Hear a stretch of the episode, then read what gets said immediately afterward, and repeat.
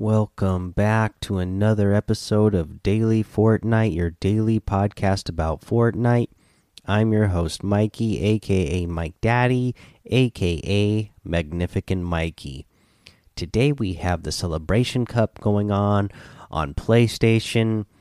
Uh, quick little update for that for NA East players. So they had this to say We're currently investigating reports of some players who have their scores reset in the Celebration Cup for NA East. And of course, this was earlier, so NA East tournament's already over. So then the response to that was we will be repairing day one scores for NA East at the conclusion of the event. Please note that placement may shift. Any and any matches played outside the 10 match limit will not count. We'll keep you updated on when the leaderboards are finalized. Speaking of leaderboards, you know, I played this was the first cup or tournament that I've played in in quite some time.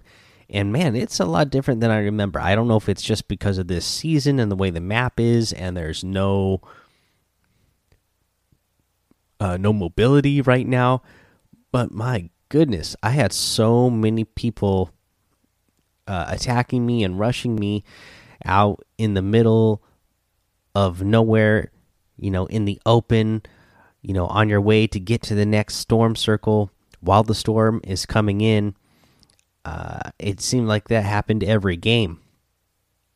So that's a lot different from what I remember the last, you know, I think it was like two seasons ago since the last time I played in any cups, and it's it's changed a lot. I I always remember it being, uh, it wasn't this aggressive. I don't know if it was it just happened to be because it's a PlayStation only. Maybe more, maybe PlayStation players are more aggressive. Uh, I don't know, but I had so many people pushing me all the time. It was it was nuts. Uh, but you know what? I had a good time. Uh, for the most part, uh, I do I do wish they did have uh, you know some mobility in in the uh, competitive scene right now because my goodness it was like you know no matter where I landed this circle was nowhere near me. I was constantly running to the opposite side of the map and then once I would get inside the circle you know the circle would still be on the opposite side so then I had to keep running to get to the next circle I was like on a constant run the whole time. I could never get placement points because I was always constantly like being forced to move uh, and have to run out in the open where you're going to, and you know, inevitably you're going to run into other players who are going to start shooting at you. Uh, but uh, you know, this tournament pretty cool. I mean, today he got some free items. Uh, I only got 25 points, so it was only good for top 19%. So I only got the spray and the pickaxe. Uh, I did not get the skin. Uh, but, you know, I, I kind of felt like, you know, it wasn't that bad. Uh, you know, I, I, I was at work today and I came home. Uh, got home about like five minutes before uh, the tournament was about to start, so I had like no time to get any warm up matches in or anything. I just went in cold, and you know, I I feel all right about my performance, uh, knowing that. Let's see here. Uh, yeah, that's that's all there is for that. Just remember, if you're playing, uh, if you're a PS4 player, you can uh, do the Celebration Cup tomorrow as well, and tomorrow is for the million dollar prize pool, so that should be a lot of fun as well.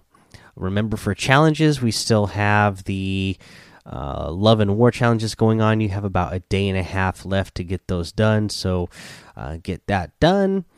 Uh, oh, and uh, the uh, bounty squads is still the LTM in the game right now. Let's go ahead, take our break. We'll come back. We'll go over the item shop and a tip of the day. All right let's go over this item shop. Still the Harley Quinn items and the Harley Quinn bundle in here as well. The metal the metal mask bundle and all those items as well. Still have the Candyman outfit for 1500 and the Heart Beater harvesting tool for 800, the Love Thorn outfit for 1500, the Crusher outfit for 800, the X outfit for 800, the True Heart emote for 800, the Kiss Kiss emote for 500, and the True Love emote for 200. In the normal featured section today, we have the um, Sandstorm outfit for 1200. I really like this one a lot as well as the scimitar outfit for 1200 as well. Both of those outfits having selectable styles. The emblem wrap for 500 and the chrono contr contrail for 400 we have the uh, shiver outfit that comes with the ice wings back bling for 1500 and the frost blade harvesting tool for 800 we have the uh, Paradox outfit with the Eternal Back Bling for 1,500. The Vision Harvesting Tool for 800. The Equilibrium Glider for 500. And the lace outfit that comes with that lovely Stitches back bling for 1,500.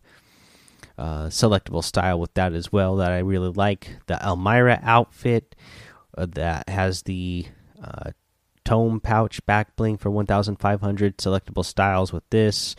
The commando outfit for 800 fantastic one. The glow stick harvesting tool for 800 the intensity emote for 800 the knee slapper emote for 500 and the glitter emote for 500 you still have the fallen love ranger challenge pack in here as well. Uh, you can get all of these items using code MikeDaddy M M M I K E D A D D Y in the item shop, and it will help support the show.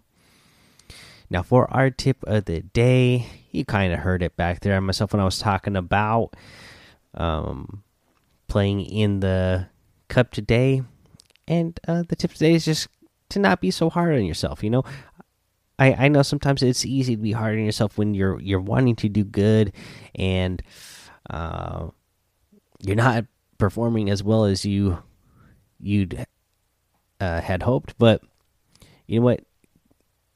Don't be so hard on yourself. Just you know, try to figure out what find the positives that you did and figure out how you can uh, accentuate those positives even more in the next tournament that you participate in.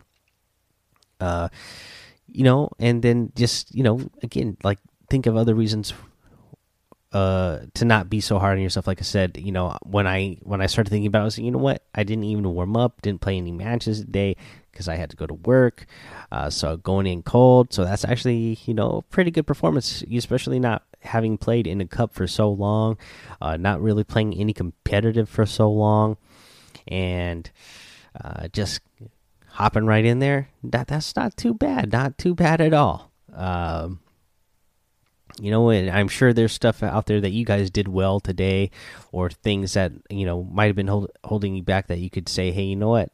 Uh, now I know what I need to practice, or uh, you know, whatever. Uh, so yeah, just don't be too hard on yourself. Uh, just you know, try to focus on the positive and make those things more positive. All right, guys that is the end of the episode for today. So go join the daily Fortnite Discord. Head over to Apple Podcast.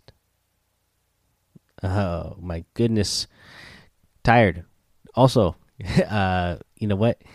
Uh, follow me over on Twitch, Twitter, and YouTube, Mike Daddy, on all of those, and then head over to Apple Podcasts and leave a five star rating and a written review for a shout out on the show. Make sure you subscribe so you don't miss an episode, of course. And until next time, have fun be safe, and don't get lost in the storm.